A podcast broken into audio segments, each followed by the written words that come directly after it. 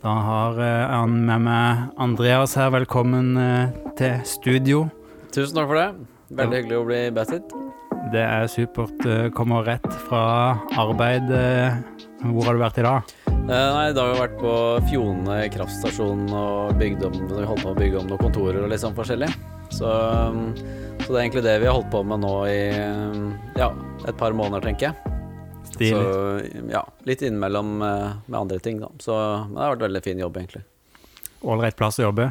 Ja, veldig fint. Hyggelige folk. Ikke sant? Så det er kontorplasser der, og er det flere etasjer, eller? Eh, ja, eller det er, det er bare én etasje, egentlig. Så ja. Eller, ja, det er vel to, egentlig. Men vi har bygd over, vi har på en måte bygd ut eh, det som er verandaen, da, til et eh, med glassdører, og så heller med at vi får større um, kontor der, da. Eller mat og Ja, for å spise og ja, litt sånn seminar og sånt, da. Stilig. Får du ikke lyst til å legge inn litt sånn Får du noen ideer underveis? Her har det vært kult med en sånn stålbjørn og Jo da.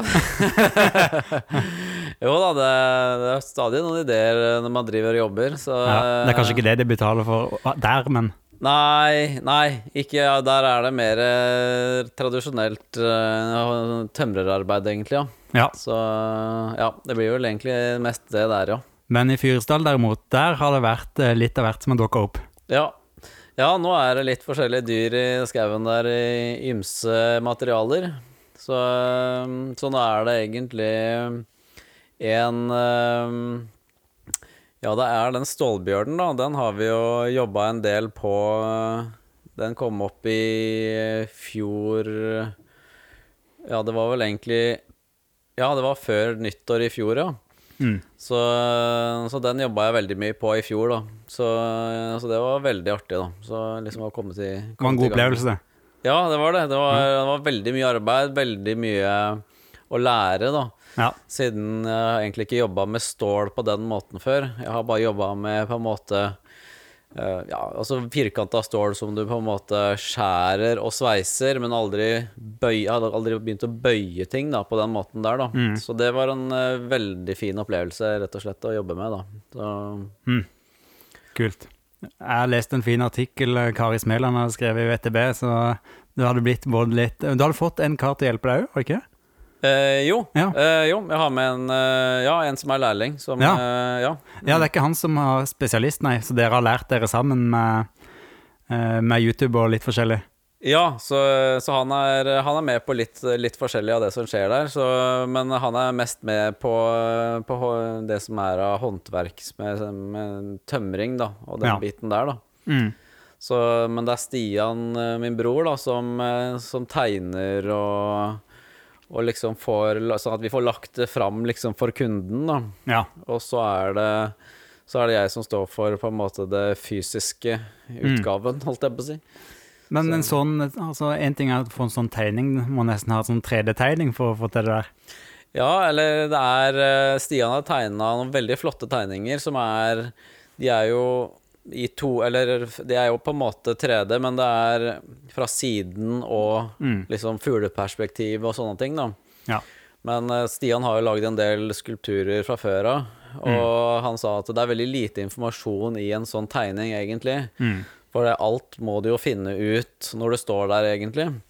Og det, det skjønte jeg veldig godt når jeg begynte på f.eks. bjørnen, for det, det er ekstremt mange vinkler og sammenføyninger, og det er veldig mange på en måte hvor, hvor går låret inn, hvor kommer lysken, hvor er måte Hvor er alle disse her eh, ledda? Skal, hvordan er de plassert i forhold til hverandre? Ja, Åssen fant du ut av det? Nei, det var, det var Det er bare prøv og feil-metoden, altså. Ja. Så, Gått litt, litt stål til overs. ja, det er eh, Men det, liksom, det, det kan bøyes liksom om igjen og, Ja. og sånt, da. Så, men du må, måte, du må bare begynne en plass. Altså Jeg begynte liksom på Og det gjorde jeg også både på, re, på reven, også, som jeg holdt på med nå, men på bjørnen også, så begynte jeg liksom bare på ryggen, da. Lagde ryggraden, nærmest, da. Ja. Og så lagde jeg liksom hele bjørnen ut ifra ryggraden, da. Så, så det er liksom eh, Ja, så man bare tenke seg til og sett på masse bilder. Og når jeg liksom er inne i et sånt som på bjørn, da skanna jeg jo hele hele Netflix, holdt jeg på å si, for bjørnevideoer og. For å se hvordan de beveger seg, og hvordan de liksom Ja, hvordan de holder på når de går, og hvordan de beveger beina og Ja, litt sånn forskjellig, da. Så, og den der eh, bjørnen som vi lagde, det var jo på en måte Jungelboken, da, som egentlig var uh, ideen der, da. Med, med Baloo som uh, skrubber seg opp av treet der for Ja. å klø seg på ryggen. Så, så det liksom eh, Ja, så den kom veldig fort, egentlig, den derre Den ideen der. Så Var den bestilt på forhånd, eller åssen eh, Eh, nei, det var egentlig De ringte fra Faun, da, eller eh, ifra Altså i samarbeid med Fyresdal kommune og sånt, da. mm. Eh, så jeg lurte på om vi hadde Først var det snakk om om vi kunne lage fem-seks lekeapparater. Mm. Eh, som på en måte så bra ut, liksom. Mm. Og så eh, Og så tok det bare egentlig ti minutter, så hadde jeg egentlig den ideen med at jeg hadde lyst til å lage dyr som du kunne krabbe inni. Mm. Eh, og det er veldig sjelden at ideene kommer så fort, da, men akkurat der gjorde det det, da. Så, så der, og, og da kom vi liksom fram til at vi kunne lage to istedenfor, da. Ja. Eh, men som blir mye dyrere, men at, du får, at vi får to da istedenfor fem-seks uh, Mm. lekeapparater, da. Så eh, Og så blei det liksom med hva slags materiale og alt sånt, da. Mm. Og der er det jo Altså, rustfritt stål er jo genialt på grunn av at det holder seg fint, liksom. Mm. Uh, og det er på en måte veldig hardt, og det er på en måte eh, Når du bøyer det, så, så er det liksom sånn springfjærstål i det, liksom. Mm. Sånn at du, det er ikke som et armeringsjern som du bare bøyer, og så hvis du gir litt press på det, så bøyer det seg ikke opp igjen. Nei. Det er mer at det på en måte det spretter opp igjen, hvis Oi. ikke du går over en sånn viss, uh, viss knekk, da. Ja. Så det er visst det som du lager på en måte fjærer av, da. Det er rustfritt stål, da. Ja. Så, så det har jeg har lært veldig mye der, altså. Så, Frister til gjentakelse. Veldig, egentlig. Så Og så er det det at du kan på en måte lage kjempekompliserte skulpturer, egentlig. Mm. Bare at du tar Altså, det blir jo bare veldig mange, mange linjer, da, Ja. med dette stålet, da. Mm.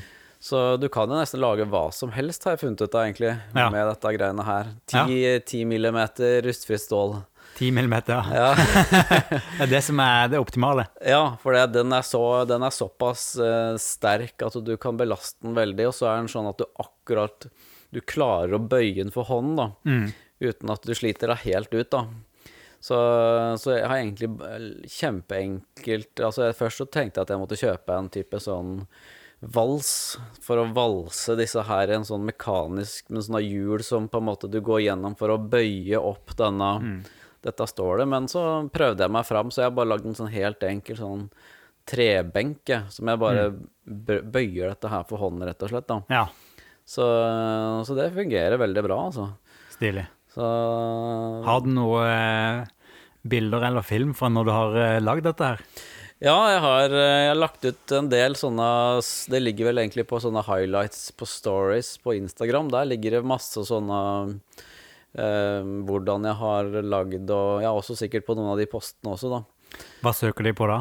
Eh, da er det Valebjørg Design eh, eh, Valebjørg Design bare, egentlig, ja, på Instagram. Med Ø? Eh, med Ø, egentlig, ja, men det er med, med O bare Ja, på, ikke sant. på den, ja. Mm. Så, så der, ligger det, der ligger det veldig mye Ja, så der kan du på en måte Nå holder jeg på med et annet prosjekt for kommunen som er Reven, som er liksom i samme stilen. Mm. Så den, eh, den skal jeg jo sette ut nå bare om noen dager, egentlig. Ja.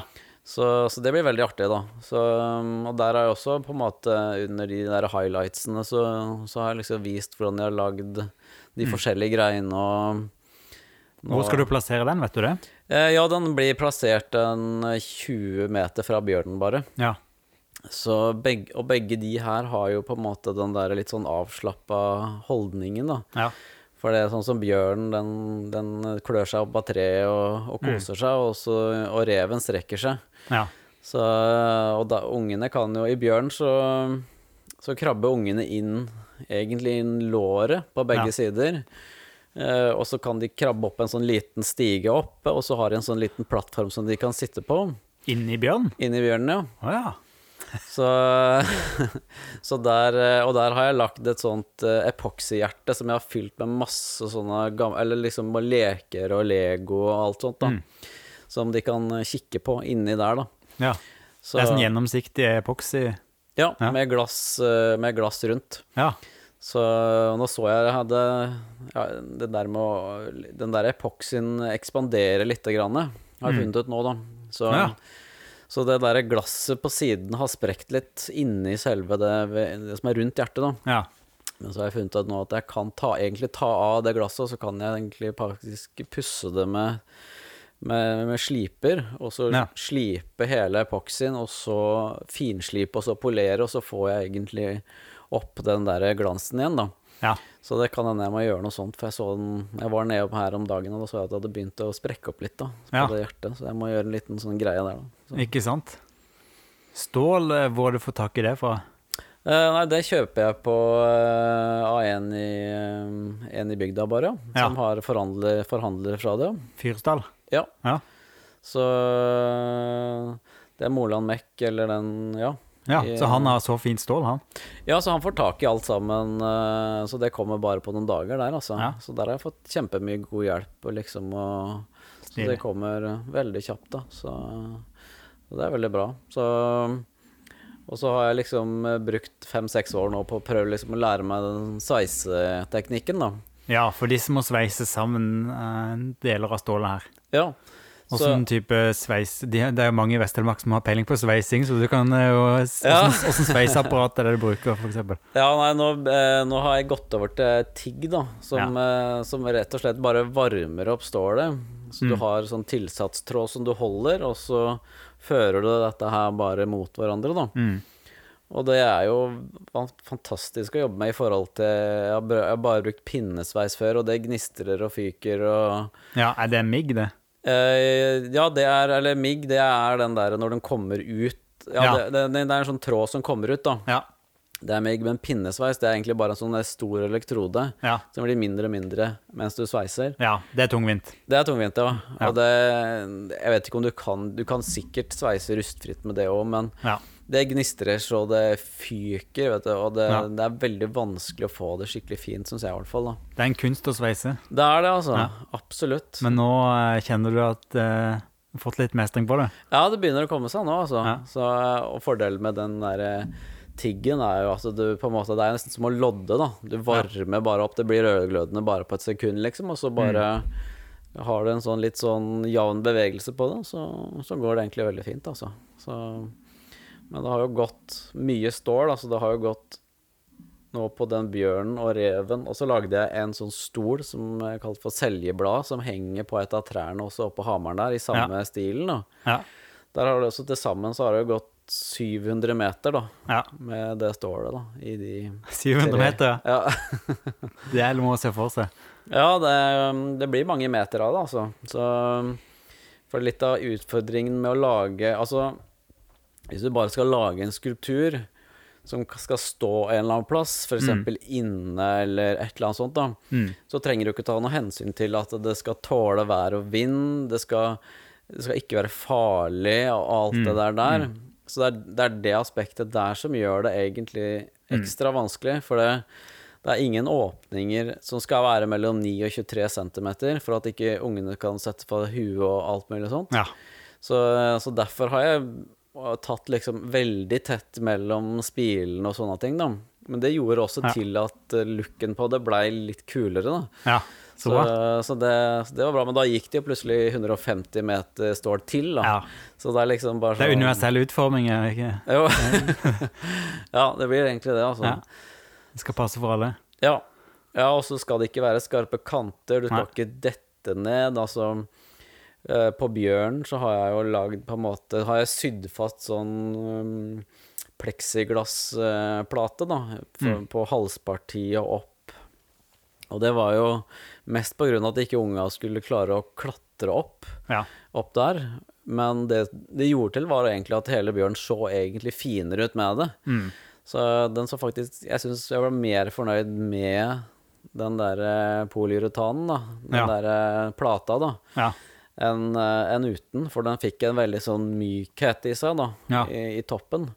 Og så gjør sant? det jo til at du ikke det eh, At ikke det regner og snør inn, da. Ja. Så det blir jo som et lite sånn telt under der, da. ja. Så Stilig. Det er gjennomtenkt greier. ja, jeg har tenkt ekstremt mye på dette her, Dette altså. her er noen timer. Ja, det er det, altså. Så, og treverket har jeg kjøpt bort hos, eh, på Kile håndlaft. Ja. Bare Det er i eh, Fyresdal, dette òg? Ja. Ja. Så der har jeg liksom fått plukka ut noen, liksom, noen skikkelig sånne laftestokker med masse tyre i, da. OK. Altså det er jo den kjerneveden inni, Mm. inni stokken som er Den ser du jo med en gang. Det er jo den som er litt sånn mørkere enn det andre. Hva har du brukt den til? Det er den som jeg har lagd eh, alt av treelementer da, på reven og, Ja. og bjørn og alt det, da. Så da, men da har jeg jo først liksom høvla vekk all yteved og alt sånn. Du bare har den feite Mm. uh, tyriveden, da. Ja. Som er på en måte Den, den råtner jo egentlig aldri. Nei. Så, så på en måte det er, Men det er en hel jobb, det. Altså bare å høvle ned og lime sammen dette her eh, Jeg er akkurat ferdig med det der huet på den reven, og jeg brukte jo Jeg har brukt nesten en dag bare på å høvle liksom til materialene, på en måte, og så må du lime deg sammen, og så Ja. Ja. Så det er, eh, det er en hel prosess, altså. Men da, da Det gjør til at det holder veldig lenge, da. Ja. Du bruker som regel eh, altså håndkraft, eh, ikke så mye maskin. Er det sånn å forstå? Ja, eller jeg bruker, jeg bruker masse mars... Eller altså, jeg bruker ikke noen sånn datastyrte freser eller Nei. et eller annet sånt. Det gjør jeg ikke. Nei. Men, og jeg liker veldig godt å bruke liksom hoggjern og øks og liksom sånne ting. Men, men det er klart, 90 er jo øh, Altså hva, alt mulig. Alt fra høvel til Ja, grovarbeidet. freser. Ja, ja. Og slipemaskiner og, og Ja. motorsager og alt. Du har bygd opp et litt repertoar av verktøy. Ja, det er jo på en måte litt sånn sånn veldig Jeg har alltid vært veldig interessert i det, da. Ja. Så jeg har liksom Helt fra jeg var bitte liten, så har jeg liksom samla på verktøy og vært ekstremt opptatt av kvalitet og sånt fra jeg var liten. Du, kan vi ta en liten uh, tilbakeblikk? Altså, hvis du forteller litt om deg sjøl. hvor gammel er du nå? Nå er jeg 37 hvert øyeblikk. 37. Herlig. Eh, og du, du har ikke vokst opp i Fyresdal, du har uh, kommet fra en litt annen plass nå opprinnelig? Ja, jeg vokste opp i Skien. Ja. Så jeg er født i Ålesund, og der bodde vi bare ett år. Og så flytta vi til Skien, da. ja. Foreldra dine er derfra, eller? Eh, nei, de er egentlig fra Oslo, så de er vokst opp der, ja. Ja. Så, men så, så flytta vi til Skien da når jeg var ett år eller noe sånt. ja. Så bodde der til jeg var 20 år, ja. For de som er lokalkjent, uh, hvor i Skien cirka? P. Munchs gate nord 60. Ja, det sier. Rett ved Ja, oppafor litt, det var litt oppafor den gamle politistasjonen i Skien der. ja, ganske sentralt, da. Ja. Ja. Mm. Ikke sant? Så, så der eh, Åssen har det vært å vokse opp der? Jo, greit det, altså. Ja. Så, men jeg har aldri vært noe sånn bymenneske. Nei. Så jeg har bare vært veldig gira på å flytte opp til Fyresdal, egentlig. Du merker det tidlig, altså? Ja, helt fra jeg var sånn 10-12 år, kanskje sånt, så, så begynte jeg å bli veldig gira på det, da. Mm, du hadde noe, da hadde du vært der litt fra før, med andre ord, at du hadde noe Ja, kjennskap? Ja så vi har liksom hytte på Våmyr, og tante og onkel har en hytte oppe i Birtedalen. Ja. Eh, oppe ved Gjevarvatn der. Så, så jeg har liksom på en måte vokst opp i Fyresdalen her, altså. Mm, Så har vært veldig mye på, på hytta på Våmyr særlig, da. ja. Så, så det har vært veldig flott, altså. Så, Ja. Eh, Så det er ikke noe entusiasme fra familien at «Oi, du må komme deg opp dit, eller eh, det har vært Det bare passer deg. Ja, det, det passa ekstremt godt, altså. Ja. Så, så det var det hele stedet der passer min personlighet veldig godt, altså. altså med, det er jo egentlig Altså, det er jo på en måte jakt og fiske, det er liksom alt i nærheten der. Altså, det er, Mm. Har du litt jord og skog ja, og ja det, er, det er litt jorder rundt gården. eh, Ja. som det, så jeg leier ut hestebokser og sånne, sånne ting, da. Ja. Så, så de beiter jo veldig flott rundt der, da. Så, ja, så, er det, så er det litt jaktterreng, på en måte, men det er på en måte på andre på vestkanten av vannet, da. Ja. Så, så der, der er det litt jaktterreng der, da. Så, Og så er det jo det at, det, at de har verkstedet sånn rett i nærheten. Og, Var det der fra før? Holdt du på å si et verksted? Eh, nei, det var egentlig den gamle låven der som brant. Ja. Så den brant for eh, ti år siden. Mm. Så det var et lite uhell jeg hadde der med et uh, søppelbål som er blant noen gamle materialer. Ja, stemmer. Så, så jeg hadde med en eh, som jeg var støttekontakt for der, som uh, Jeg skulle vise hvordan man gjorde dette skikkelig, så jeg hadde brannslukningsapparat og vann og alt mulig. Og så Ja. Hadde det slukna, og så satt vi oss til å spise, og så mm, Ja. plutselig så passerte røyken forbi vinduet, og da Nei. var det full fyr i låven. Så det var et uh, sjokk, for å si det forsiktig. Ja. Så jeg fikk nesten slukt det fire ganger. Jeg løp rundt til alle naboene etter um, brannslukningsapparat. Ja. Jeg trodde liksom et sånn brannslukningsapparat varte liksom i noen minutter når du først uh, slo det på, men det er jo ti sekunder, liksom. Ja. Så, Nei, det er jo surt. Ja, det var det. Så jeg så veldig mørkt på det da en stund. Så, Men har fått opp et veldig fint bygg nå, så, Ja, så så nå er jeg veldig fornøyd med det, selvfølgelig. Nå har du fått lagra det sånn som du ville, vil Ja. ha det. Ja. Så, men det er, det er veldig sånn eh, psykisk slag, det der med, med brann eh, i nærheten, altså. Så, Ja, det, det satt, den satt i litt. Ja, den, satt i, den sitter i enda. Altså Hvis jeg er på andre sida av vannet, jeg ser det er røyk liksom innenfor en kilometer fra huset mitt, Ja, så kjenner jeg pulsen liksom komme opp. jeg ser du, ja. Ja, Så den, den sitter godt ennå, den, Ja. altså. Så. Eh, var det fare for eh, huset, eller noe mer på gården der òg? Eh, ja, alle vinduene i huset eksploderte av, av varmen, så det var veldig varmt der. Da, da, da er det noe man husker, ja. Ja, så det, du, du står jo der. Det er jo en veldig sånn sterk greie, egentlig. Så, så nei da. Så det, men, men nå, eh, så jeg, nå er jeg fornøyd med det, selvfølgelig. Altså. Ja. Så, ja. Ja, herlig. Ja. Så der har vi den praktiske eh, sida di vi har snakka litt om, og jakt og fiske, og eh, du er opptatt av kvalitet tidlig. Og, og vi tar den, altså, hvordan merker du at du var opptatt av det, og når merka du det? Nei, jeg tror det var liksom alt fra Ja, når jeg skulle, liksom skulle kjøpe ting da jeg- var liten og sånt Ja. Aldri, altså, altså sånne billigbutikker eller sånn billige verktøy og ting som Det hadde jeg bare ikke lyst på, da. Ja. Så det var liksom å spare ekstra for å få noe som jeg var skikkelig fornøyd med, da. ja.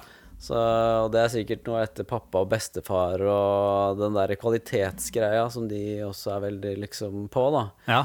Så det, det, det ble sikkert arvelig overført der, tenker jeg, ja. Så, så Nei, så det var vel egentlig det, og det å få liksom Når jeg begynte å bygge ting, så var det ikke det at det skulle se så fint ut. Da var det mest at det skulle være solid. ja. Veldig opptatt av det helt fra jeg var liten, da. ja. Ei hylle 2,8 ja, ja, ja, ja, og på en måte brukte bare så mye spiker at det var mer jern, nesten tre, disse her eh, trekonstruksjonene. Ja, så du begynte å snekre litt før du var Altså, du er utdanna snekker og tømrer. Når Ja. begynte du å interessere deg for det? Ja, det var vel nei, Altså, jeg var, liksom, var med pappa, egentlig, på å snekre på huset. Ja. Så jeg liksom ville heller være med han og snekre på huset enn kanskje å ut og leke med kamerater av og til, på en måte, når Ja. han var i gang med det, da. Ja. Så, så jeg koste meg veldig med det, da. Ja. Så, så jeg lærte jo veldig mye av han, være med på han, være med han på alt mulig sånn bygging og ja. sånne ting. Så, Ikke sant? Så, så det var veldig fint, altså. Ja. Så, Altså, men eh, for å spørre om det da, snekring, eh, liker du godt eh, Altså, har det gått foran en del sosiale ting ellers òg? At du har vært så gira? ja, det har nok sikkert i perioder gjort det, ja. Ja. Så eh, Men Men du er liker å være med folk òg, holdt jeg på å si?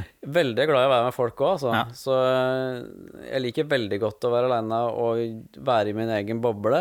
Ja. Men så er jeg veldig glad i å være sammen med folk også. Så ja. En god variasjon. ja. Eh, så ja. Det er Du har har jo med en eh, lærling nå til daglig, så Ja. Um, Ja, kan du fortelle litt Det var en fra Syria, var det? ja, han heter Wafa, så han har vært med i tre år nå, da. Ja. Så, så er han blitt lærling nå, da. Så det, det fungerer bra, det, altså. ja og gammel er han? Han er eh, 39 eller noe sånt. Ja, Mm. ikke sant? Så da han er moden og voksen? Ja. Ja. Så, så han, er, han står veldig på, altså. Så, så det er veldig bra. Så Ja.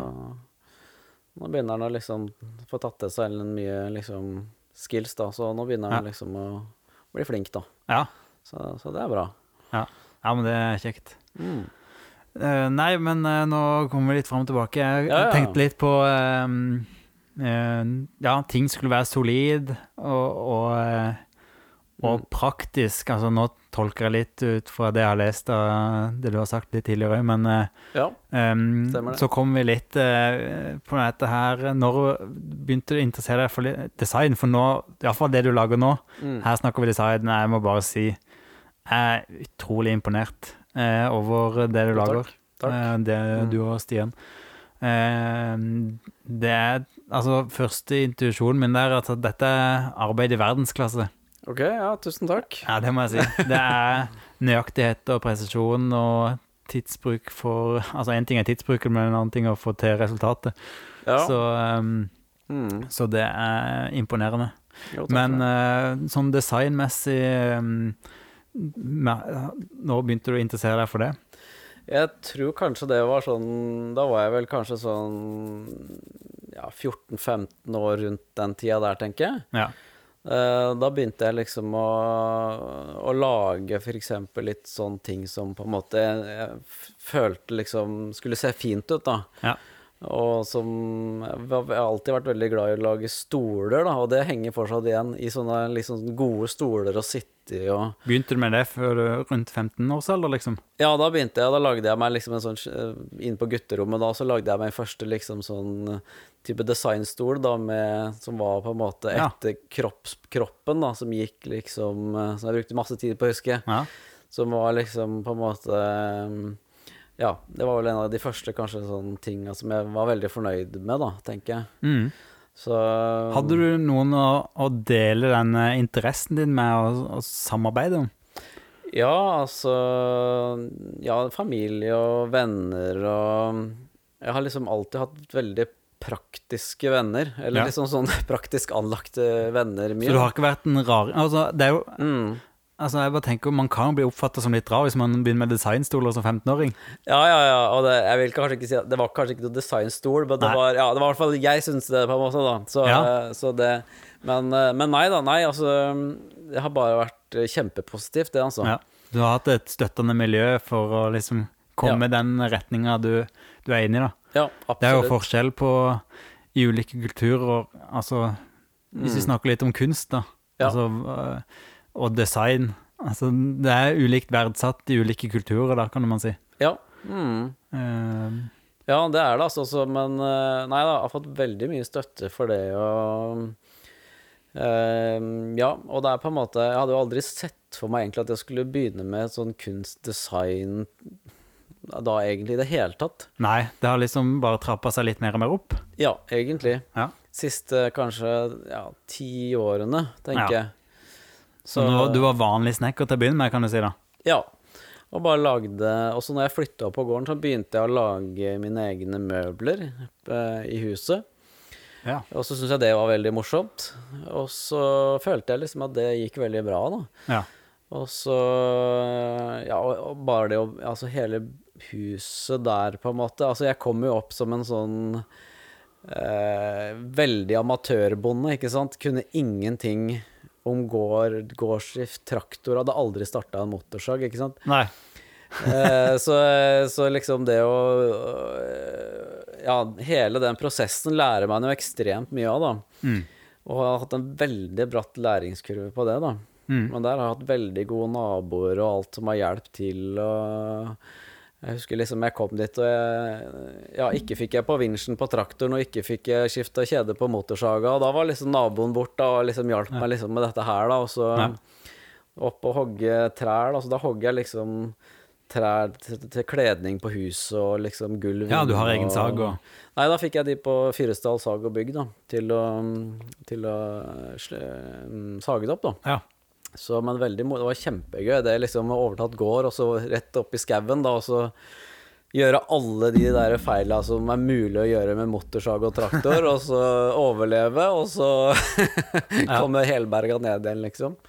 Så det er et eller annet med, med altså Det høres ut som du er blitt godt tatt imot der i Fyresdal. Ja, ekstremt godt, altså. Ja. Kjempegodt. Så det kunne ikke vært bedre enn det, altså. Nei. Du hadde litt sånn halvkjennskap til et par når du flytta opp, kanskje? Ja, da Ja, jeg kjente Jeg har jo litt familie og litt sånn slekt og litt sånn der oppe, da. Mm. Så, så Men da jobba jeg jo fortsatt på Haukeli, liksom, når jeg, når jeg, når jeg flytta dit, da.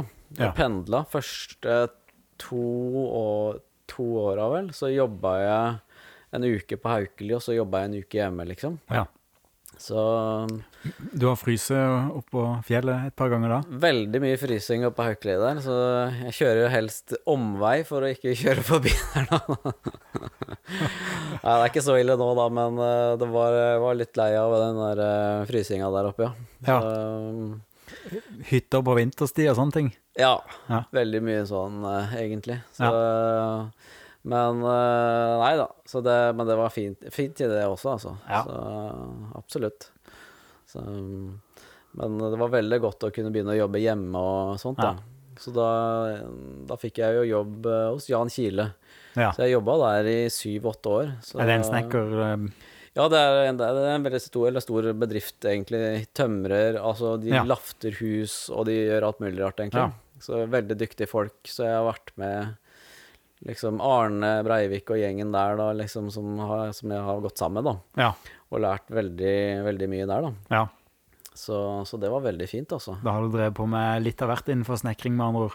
Ja, det har jeg, men jeg kan ikke lafte. Jeg har liksom jeg har, Der har jeg bare liksom vært med å montere hyttene opp igjen, da. Og så Mm. tatt liksom tømrer Vært med å ta tømrerarbeid og sånt rundt uh, der, da.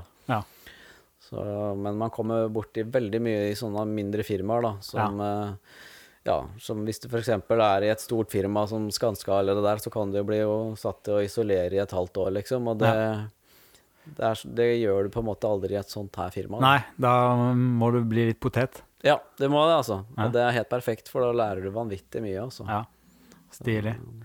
Eh, jeg ser at du har en tatovering. Den var jo veldig stilig. Jo, takk for det. En hammerøks. ja. det er liksom de to uh, favorittredskapene, da. Ja. Det er jo egentlig liksom Hammer er jo egentlig mer til den derre bygg-genet, da. ja. Og øks er jo på en måte Det er jo både bygging, men det er jo også det derre friluftsliv og villmarksliv og, Ja. og alt det der, da. Ikke sant? Så, så det er liksom to ting som er veldig viktig for meg, egentlig. Ja. Så, så da er det liksom Ja, det er veldig Det der enkle villmarkslivet er også ekstremt uh, godt, syns jeg, da. Ja. Så, og det å ha så mye fin skog å gå i, altså rundt omkring i Ja. Fyresdal og her, liksom, det er eh, det er noe som man tar fort for gitt, men som er ekstremt eh, viktig og fint, altså. Ja, Så- Av og til må vi bare prøve å resette litt. Åssen var det egentlig her første gang? Ja, ja, ikke sant. Det, Ja. sover du, liker du å sove ute og overnatte litt? Ja da, så jeg overnatta veldig mye ute, egentlig. ja. Ja. Både med og uten telt. Og jeg er litt ferdig med den der frysinga der òg, egentlig. Ja. Altså våkne opp med skiskoa liksom så stive at du må varme de i soveposen en halvtime for å få de på deg. Jeg er Ja. litt ferdig med den, men jeg syns det er veldig deilig å være ute for Ja. det, altså. Så, Litt, litt sånn eh, Altså Det er ikke Bear Gr- Grylls lenger, det er mer Lars Monsen nå.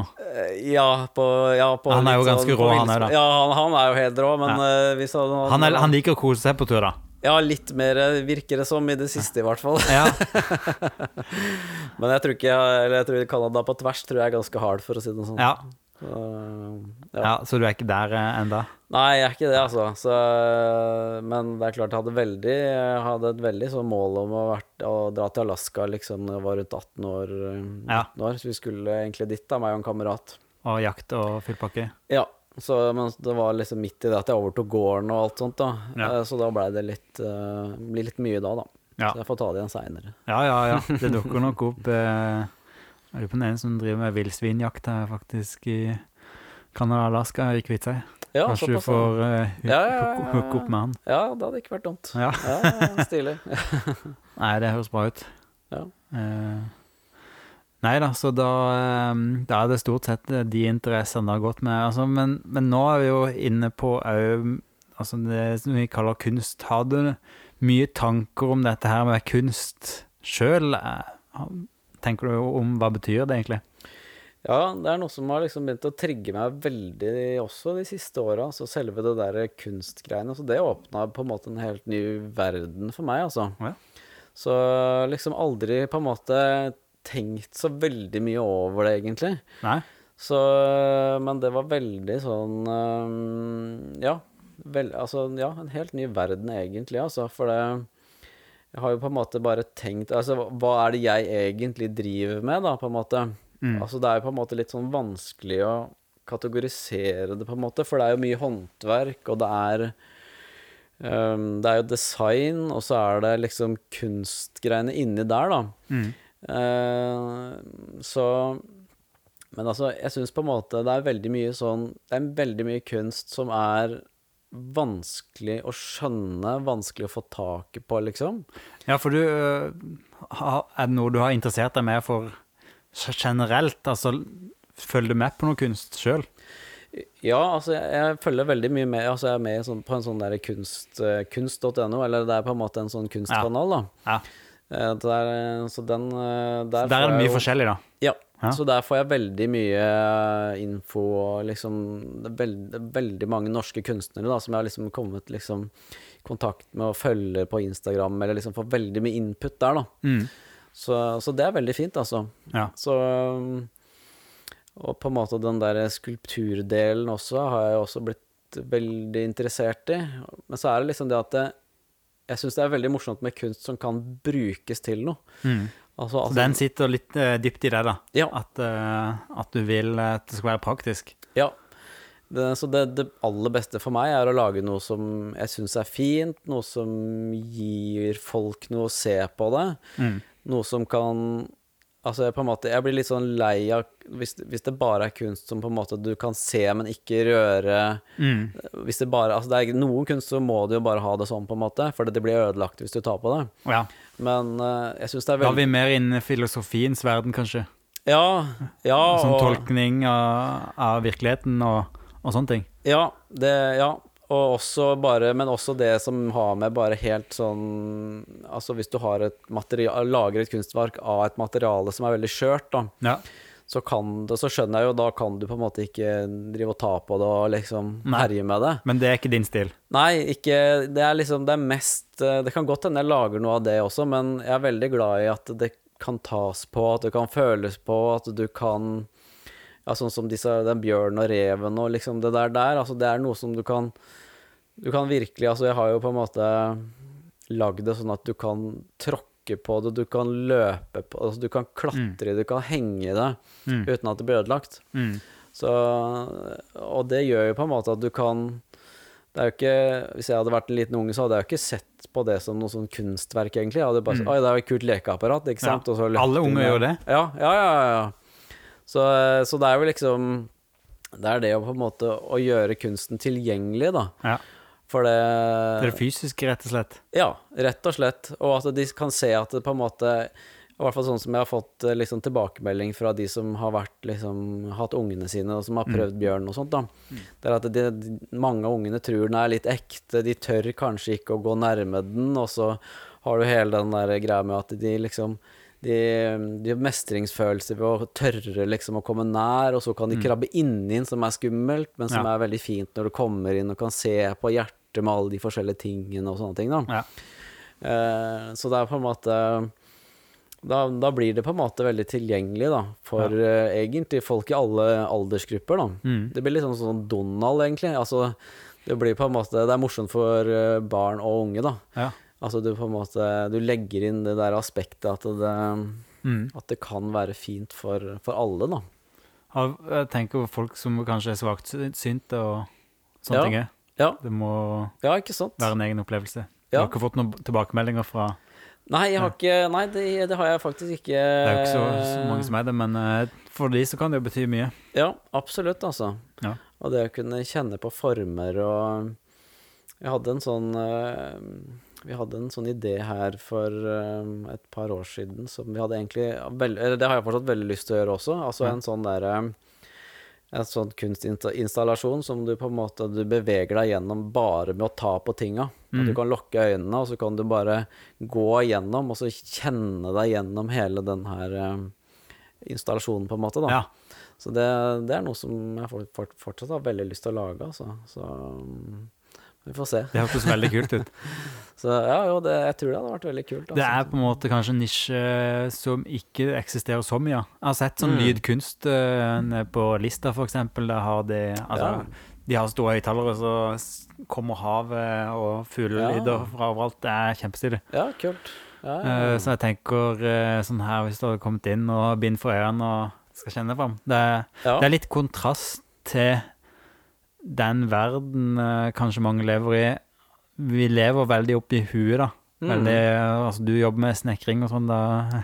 Mm. Eh, men eh, veldig mange av oss jobber med ord og, Mm. og ideer. Ja. Mm. Så, så det å eh, komme seg til noe som du kan ta og føle på, det, det tror jeg har en verdi for mange. Ja, ja det, er, det, det er noe med å på en måte Å sanse det, altså. Ja. Virkelig med, med hendene. Ja. Altså det det jeg, Hvis jeg, jeg Jeg har veldig liksom lett for å på en måte Hvis jeg ser noe jeg liker, så må jeg ta på det og Ja. kjenne på strukturen på materialet og, Ja. og alt sånt. Og Stian, broren min, blir jo gæren på meg av og til, for det, jeg må nesten bort og ta på liksom, hvis han driver og maler på et eller annet. Så det, men det har jeg slutta med, da. ja. Men, eh, Akrylen renner. Så, så nå Så akkurat på malerier og sånt, det klarer jeg å, å, Ja. å stoppe, da. For Stian han, han er kanskje litt mer abstrakt enn han maler og Ja. Så han, men han har blitt utrolig dyktig nå de siste åra, så det er skikkelig gøy å følge med på. Altså. Ja. Så, For han er jo opprinnelig drev med 3D-design og jobba med reklamebyrå, var det så? ja, så han jobba med reklame i mange år. Lagd en del reklame på forskjellige greier. Så, um, så nå har han på en måte gått over i nesten på en måte det fysiske, da, han også, da, egentlig. Mm. Men han lager jo ofte skissene og alt sånt på, på PC, da. Mm. Eh, og så på en måte eh, tegner han dette her opp på lerretet, og, så, eh, og så maler han over, da. Mm. Så det, i fjor så Vi hadde vår første utstilling i fjor, og det var veldig kult å, å følge med på når han drev på med disse Det var to store malerier da, som han lagde ferdig til den eh, utstillingen. Ja. Og da var det veldig kult å se på hvordan han eh, jobba seg fram til dette her, altså. Mm. Da brukte han jo to måneder, vel, pluss, pluss, på Mm. disse to maleriene, da. ja. Og ble ferdig klokka fire på natta, liksom dagen før utstillingen, liksom. Ja. Så, så det var ganske heftig. Da er lidenskapen hans det. Ja, så han, eh, han har blitt skikkelig flink, altså. Så det er veldig, veldig morsomt å, å følge med på. Og det er liksom det derre Altså, jeg føler nok at han er, han er nok kanskje en av Norges beste tegnere også, tror jeg, sånn på en måte på Altså på sånn type sånn Altså, og, og hvis jeg på en måte Jeg kan nesten ikke tenke meg hvem andre altså det, er sikkert, det er jo veldig mange flinke tegnere, selvfølgelig, men Mm. eh, som kan, hvis du forklarer noe, da, Ja. så kan skisse ned liksom kjempefine ting på en halvtime, liksom. Ja. Og, og det er jo litt av det at vi på en måte jobber veldig godt sammen, da. Altså, Noe som Bjørn og Reven og alt dette her, på en måte. Da har Mm. jo jeg bare over telefon så har jeg bare sagt til han at jeg bare ser for meg liksom denne bjørnen Mm. som står oppå et tre og klør seg mot stammen og koser seg skikkelig, liksom. Ja. Og så tegner han bare det fine utkastet, ikke sant. ja. Og, så, det, så det er kjempebra. Altså. Så jeg hadde ikke greid dette her uten han. Altså, for det, du må jo på en måte få med kundene på dette her, på ja. Og da har du han som eh, tegnearkitekten. Ja, Ja. ja, helt klart. Så Altså. det er et godt team. Ja, veldig bra. Så, så vi har på en måte Ja, når du har vokst opp sammen og ja, Mm. vært liksom eh, Ja, vi kan Vi forstår hverandre veldig godt, ja. Ja. Så, så det, det er veldig fint, altså. Så Ja. Skulle jeg leid på en måte en annen tegner til dette her, på en måte, da, så måtte jeg jo betalt eh, sikkert den tegneren 40 000, ikke sant? Ja. For noe som ikke er sikkert at det blir noe av, på en måte. Nei. Så, så da hadde det kanskje ikke blitt noe av, ikke Nei. sant? Så, så er Du sparer mange timer med kommunikasjonslæring når du har vokst opp sammen. Ja, det er så deilig, altså. Ja. Så, um, Så det er en veldig sånn spesiell opplevelse å liksom bare gi han noen tanker, og så får du en tegning tilbake. Ja. Som er Det liksom er jo drømmen. Ja, ja, det er helt utrolig, altså. Ja. Så, så det er skikkelig gøy. Jeg håper det kommer en dokumentar med dere. eh, jeg vet ikke hvilken, hvilken Jeg har Ja, drømmedokumentar. NRK? Eh, BBC? Ja, BBC, det hadde vært kult, da. ja, nei, ja, det, Nei, men det, er litt, det hadde vært kult å fått med seg hele prosessen i en sånn eh, dokumentar, åssen dere jobber etter hvert. da. Ja, jo, takk for det. Jo, det, det virker veldig Vi får ja. slenge ut et hint, forhåpentlig noen eh, Jeg vet ikke om BBC hører på dette her, men eh, Skal ikke se bort fra det. kanskje noen kjenner noen i BBC. Da får de ja. Ja, ja, det har vært kult, da. Nei, men du har jo Altså, dere har jo laga vanvittig mange stilige ting. Um, Ja, kanoen, for eksempel, det er jo Mm. Altså, det, det Jeg vet ikke hva som skal være varemerket deres, for det stål er jo en egen kategori for seg sjøl, den stålbjørnen. ja. Eh, så det er jo varemerket i seg sjøl. Men den kanoen, la merke til den, var strøken. ja. Eh, Kajakken, mener jeg. Ja, ja. Ja, og den eh, Det var noe jeg egentlig Altså, det er en som Det er ikke noe jeg har designa sjøl, men det Nei. er noe som en som heter Brian Schultz i USA, som har brukt veldig mange år på å utvikle akkurat den kajakken her, da. Ja. Så det er en som heter F1, den her, da, som er en veldig god havkajakk og god å surfe bølger med og sånt. ja. Åssen tre materialer er det? Eh, Det er eik og ask. Ja. Så ask er det de som er bøyd i liksom i spantene. Ja. For ask er liksom veldig godt, og det må dampes da og bøyes, liksom. ja. Må ned på kysten og hente det, dette her. Eh, nei, ask Ja, eller ja, ask. eik. Eh, eik, ja. Da må du ned til kysten, ja. Så Ja. Der, der har jeg på en måte kjøpt, eh, kjøpt eik, da. Ja. Men eh, det er jo veldig tungt, så, så det jeg egentlig tenker nå, er egentlig å lage i osp. Ja. Og, og det har jo jeg tenkt på er sånn møkkamateriale. Istedenfor eik? Ja. Fordi jeg trodde osp er jo sånn dritmateriale, har jeg alltid tenkt, liksom, Ja. som ikke er til noe til. Ja. Men det er jo egentlig et gammelt båtmateriale.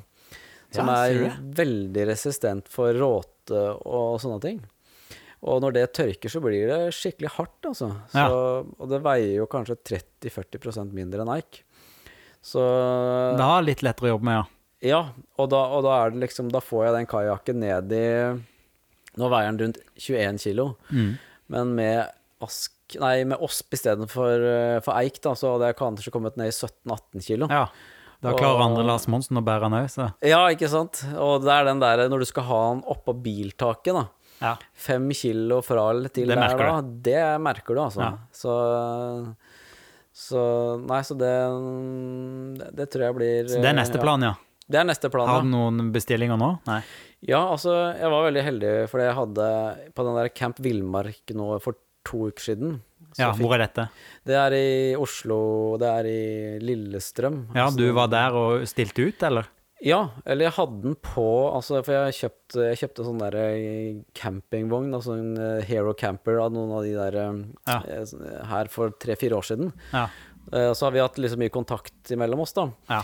Og så lurte de på om jeg liksom kunne ha kajakken der for show, da, for de, Ja. liksom. For det så så bra ut å ha den oppå campingvogna der, liksom. Eller den camperen, da.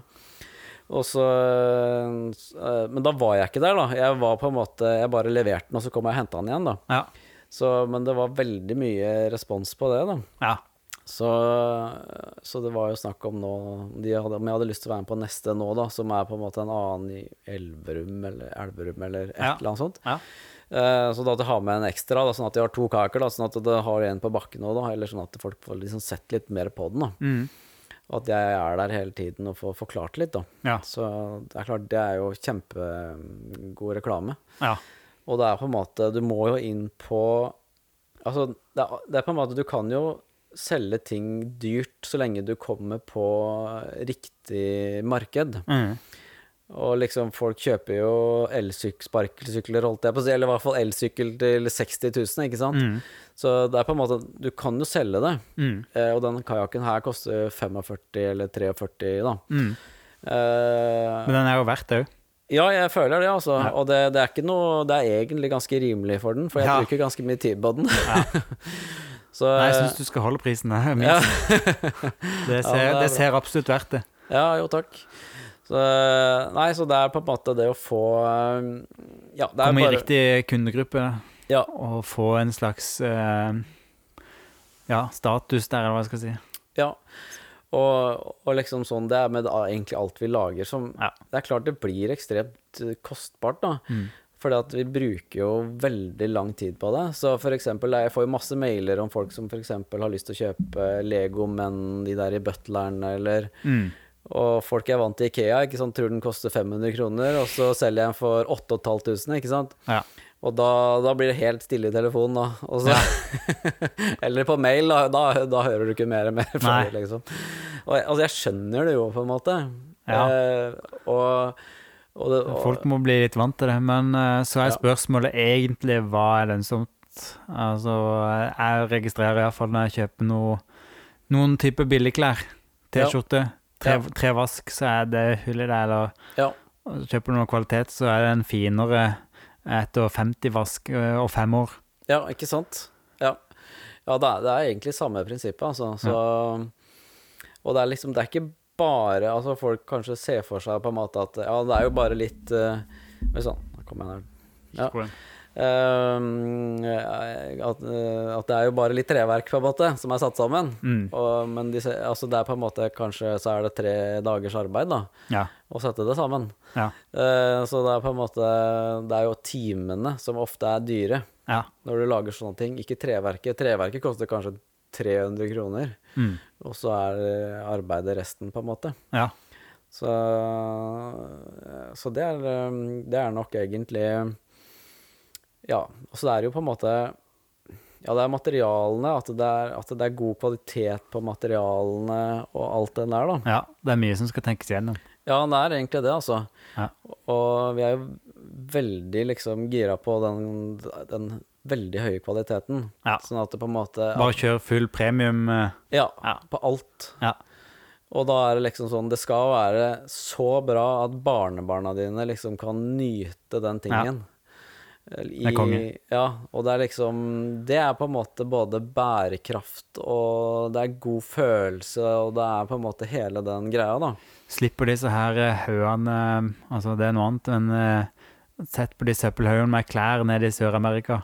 Ja, Det er helt vilt med søppel rundt omkring. ja, ja, ja, ja, ja det er samme. Ja, det er bruk og kast, og det er helt grusomt å se på, rett og slett.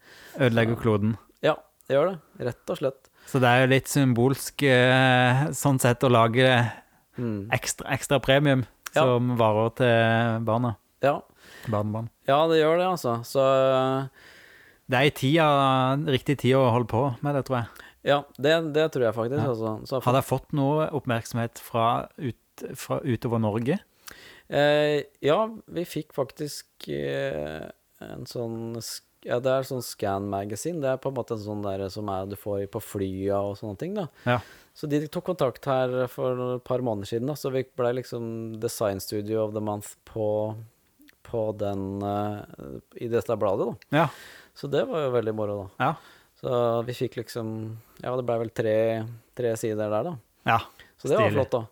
Nei, det er snakk om uh, flaks, da, å komme inn uh, Eller om Ja. man får en riktig connection inn der, da. Ja, jeg vet ikke helt hvordan de egentlig fant ut av oss, Nei. eller hvor de fant oss. Nei. Så, men plutselig så var de der. Så det Så kult. Da har vi sett uh, både på bjørn og kajakk, og uh, kofferten er jo utrolig stilig. Det er Jo, takk. Eh, de Altså, tallerkenene og sånn som er oppi der, hva er det laga? Eh, Det er, eh, det er porselen. Det er porselen, ja. Det er godt gammeldags porselen. ja. Stilig. Um, Eh, noe annet som du holder på med utover de tinga der? Ja, nå har vi Vi har egentlig veldig mye ideer fremover nå, så, Ja. så Hva er drømmescenario for neste idé? Åh, ja, det er Ja, det er ja, Det er mye rart. Det er mye rart, altså. Ja. Men jeg har blitt veldig, veldig gira på både Altså, kunst i offentlig rom, det er nok noe jeg kommer til å Satse. satse, veldig Ja. på. Uh, og også det der med Altså egentlig det der med Altså å sette fokus på fugler og sånne ting. Ja. Det er noe som vi uh, har blitt uh, har tenkt, altså, jeg liksom har tenkt mye på. Altså, jeg er jo, Hvorfor det, egentlig? Nei, altså jeg er gammel speider. Jeg har Ja. vært i speideren i alle år, egentlig. Mhm. Sånn, og så har jeg vært speiderleder i ti år Mm. hjemme i Fyresdal. Mm. Eh. Og så Der er på en måte Det er hele den derre fascinasjonen for uh, For dyrelivet, da. Ja. Eh, og jeg blir så nedtrykt av når jeg bare ser nyheter liksom med eh, Med på en måte at alle på en måte fugl- og dyreraser ra- På en måte det, det blir så lite av det. Mm. Altså, eh, det er så høy dødelighet eh, blant rasene, Rasene forsvinner? Ja, rasene forsvinner, rett og slett. Mm. Så Og det er, det er veldig mange grunner til det. Altså, det er jo Altså klimaforandringer, og at folk bygger ned plasser, hekkeområder, våtmarksområder som blir lagd veier av. Altså det er veldig Er det et problem i Norge? veldig stort problem i Norge. Og, og det er så stort problem i Norge at, eh, at eh, fuglene drar heller Altså, i andre steder i Europa har de begynt å tenke på dette, men eh, nordmenn er veldig dårlige på det, og, og stykker opp våtmarksområder, og nå skal de lage ny vei, liksom nå Altså, jeg så en, liksom en ny vei nå som skulle liksom pløyde gjennom liksom et våtmarksområde. våtmarksområde. Og, og det er på en måte Det er veldig mye sånt som er veldig lite gjennomtenkt, altså. Ja. Så, så det er liksom Naturvernforbundet, de kommenterer til dette her? Eh, sa Altså, ja, altså naturvernere? ja, eh, ja, det har blitt veldig mye fokus på det i det siste. Ja. Så, så, men vi har liksom lyst til å, å være med på det. Så vi har lyst til det som vi egentlig har lyst til å lage nå, det er jo egentlig skulpturer med der dyra kan bo. Altså type enten Så det er det som ligger bak. Jeg har sett Ja. eh, noe tegninger av noen fugler. ja. Så, så har, vi har en idé som er på en måte en sånn stor konkylie Mm. som henger fra vaiere enten mellom bygninger eller eh, mellom store trestolper, da. Mm. Eh, der som selve konkylie er en syv-åtte meter høyt, Mm. og lagd i en ramme i stål og, så, og kledd med trespiler. Mm. Eh, og dersom Det har vi tenkt på tårnes eh, uh, Altså hussvaler. Ja. Taksvaler. Ja.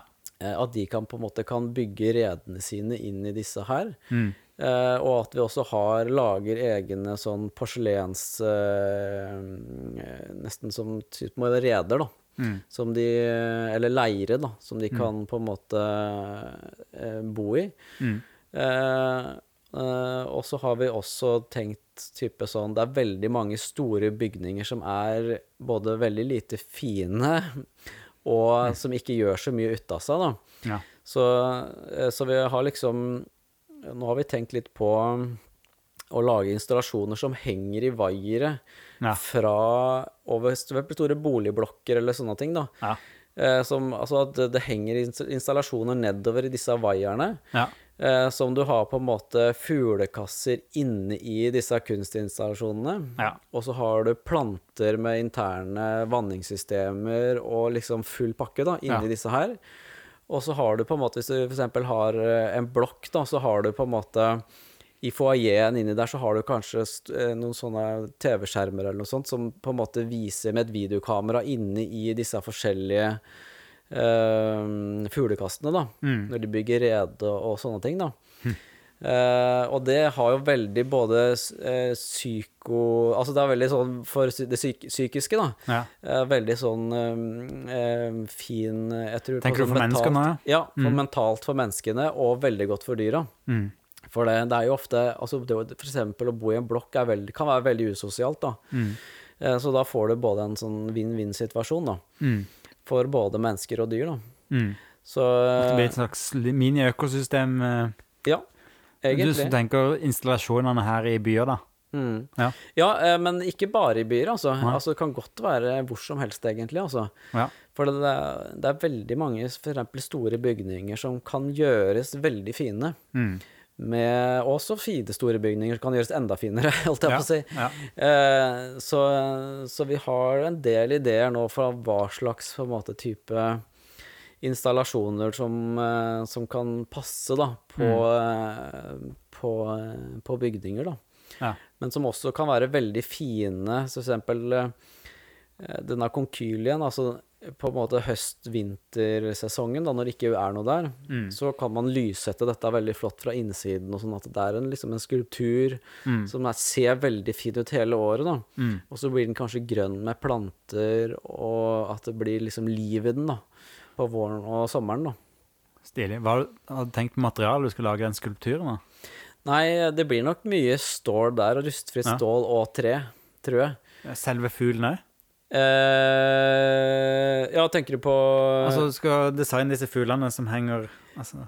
Ja, nei, det, altså selve fuglene, det er bare ekte fugler, holdt jeg på å si. Ja, ja, ja. Så Det skal ikke være noe eh, Ja. Ja, Det skal- det kan godt være noen sånne ekstra også, men, Ja. men Det er eh, økosystemet som eh, også er ekte fugler, selvfølgelig. ja. Ja, så Mm. det blir, bare, det blir bare ekte Det er for at de Det er egentlig rett og slett for å få flere fuglekasser, altså egentlig. Ja. Eh, på en veldig sånn dekorativ måte, da. Ja. Så Nei, dette virker som noe som eh, er ganske viktig for deg. Ja, det er det. Ja. Det er veldig viktig. Ja. Så jeg har tenkt veldig mye på det. Så Du brenner litt eh, ekstra for dette her, sånn eh, personlig òg. Ja, helt klart. Ja. Og jeg har også liksom tenkt mye på det. Altså når jeg bygde om huset hjemme, så har jeg på en måte bygd inn fuglekasser i huset. Mm. Så jeg bygde på en måte Når jeg reiv inn og så inn til tømmeret da, på det gamle huset, så tok jeg liksom nytt stendeverk, og så lagde jeg fuglekasser inni stendeverket. Og så tok Ja. jeg kledningen på, og så bora jeg gjennom kledningen. Mm. Så det er på en måte skjulte eh, fuglekasser da, som jeg har inni på en måte gavl- gavlveggen på huset. Og det på en måte, det også er noe som jeg, som jeg har tenkt en del på å få For det veld, altså Nesten alle nye hus de blir bygd veldig tette. Mm. Det er ikke noe plass egentlig for eh, noen fugler eller insekter eller noe sånt å bo der. Nei. Eller flaggermuser eller noe sånt for den saks skyld. da. Mm. Så å på en måte fått til en type sånn støtteordning eller et eller annet sånt med å eh, At på en måte alle nye hus bør egentlig ha på en måte også plass til dyr, da. Som fugler og sånne ting, da. Så eh, at det er på en måte bygd inn i huset, da.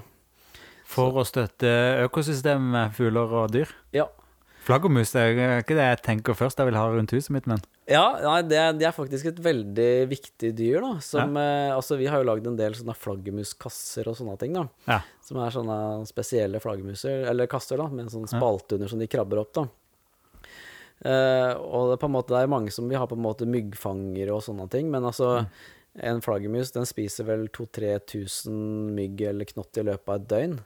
Så den tar jo mer knott og greier enn en sånn myggfanger, da. Så, Så den, er- den har bare fått mer negativ opplevelse enn den fortjener. Ja.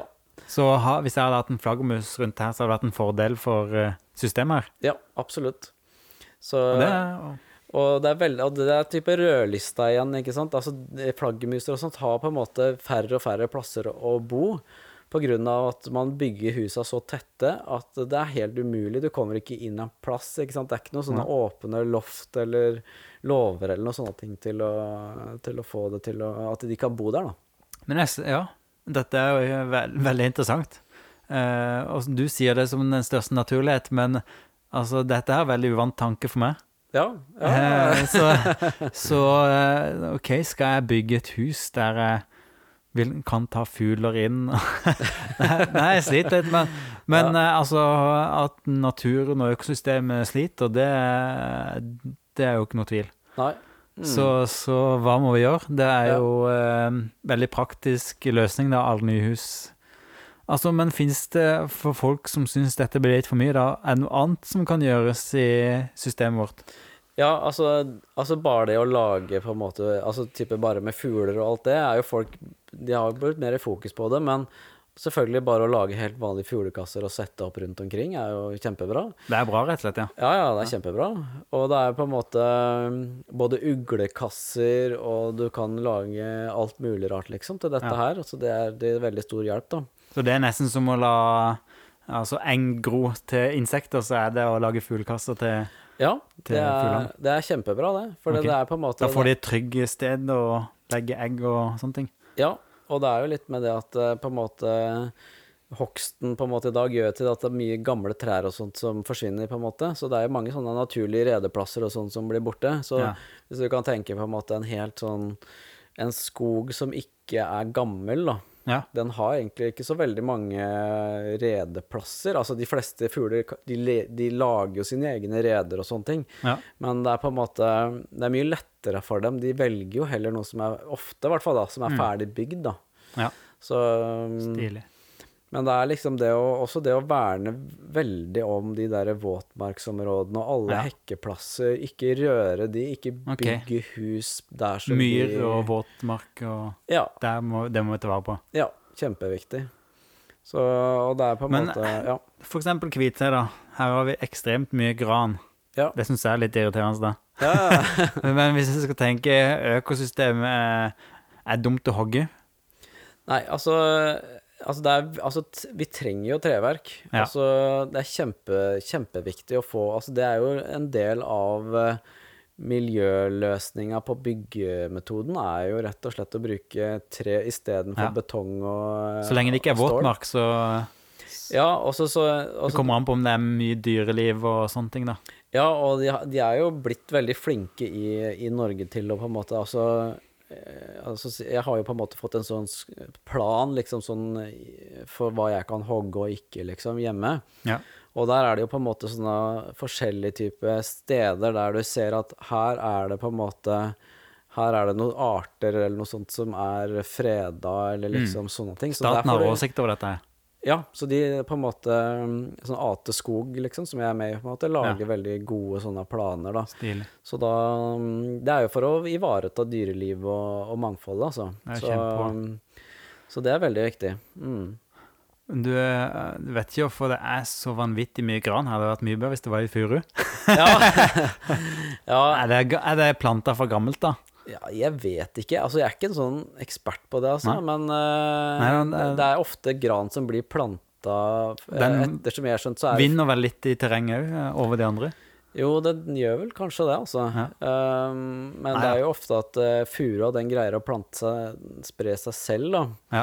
Mens ofte grana blir jo planta, da. ja. Jeg savner eik og furu fra altså, Jeg liker meg her på bygda, men Ja. og litt mer åpen skog. Det kan bli trangt med grana en del plasser. Ja, ja det er klart. Og, og ja, sånne litt sånne åpne furumoer og sånt er jo helt nydelig, da. Ja. Så um, eh, men, eh, men det er klart det er veldig viktig også å, å verne også store områder. Så store Altså, eh, det er jo på en måte Jeg husker ikke hvor mange prosent av Norge som det er Det kan godt hende jeg sier feil nå, men rundt 15% eller noe sånt som er på en måte Som de har mål om Eller er det enda mer? Om å, fre, å totalfrede, da. Mm. Og veldig- Villmark, liksom. ja, Ja. så det er veldig, du får egentlig godt betalt for å verne skogen din i dag, hvis du har noe som de mener at det er viktig å verne. Ja. Mm. ja, det er jo bra. Da tar, tar de jo eh, vare på det. Ja. Så, men det er liksom eh, ja. Nei, så det er noe du brenner for eh, altså, Tenker en del på, da. Eh, selve økosystemet og selve fuglelivet. ja, og dyrelivet generelt, altså både Er det noe annet ja. dyrelivet du vil informere oss om som Noe spesielt ja. å tenke på? Uh, ja Nei, det blir vel egentlig Ja, hva skal jeg si, altså Du skal ikke inn i rovdyrdebatten her. Nei, nei, nei, nei, det trenger vi ikke. Det har han eh, i Tokke sørga for, den diskusjonen der. Ja, ja, ja, ja, ja. Nei, det er vel egentlig bare å ta vare på Altså, jeg er jo, jeg, jeg er jo jeger. Altså, Ja. jeg jakter mye selv, ikke sant. Så eh, det har jo på en måte Og jeg, jeg hogger skog og jeg på en måte Men det er det der å på en måte Ja, å ikke ta Altså, jeg, jeg bruker ikke regnskogtømmer eller noe sånt i min produksjon, for det, Nei. eh, det er jeg veldig nøye på, da. Mm. Så det er liksom eh, Ja, det er, det er det å tenke over materialet, altså. Og det å selvfølgelig å kunne bruke det om igjen og kunne ha det lenge, har jo Mm. ekstremt mye å si, da. Mm.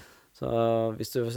bare ja, kjøper noe veldig billig og hiver igjen, så er det fortsatt trær som må hogges for at du skal få den tingen. Ja, ikke sant? Så, så det er bedre å egentlig ja, kjøpe dyrere ting som man har lenger, rett og slett. Ja.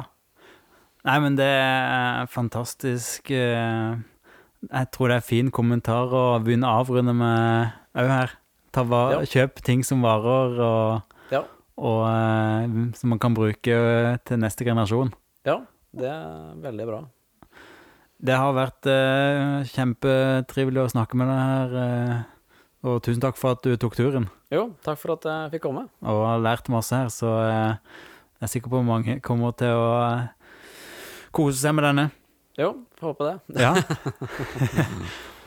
da får du hilse Stian, og så snakkes vi plutselig. Det gjør vi. Ja. Takk for det.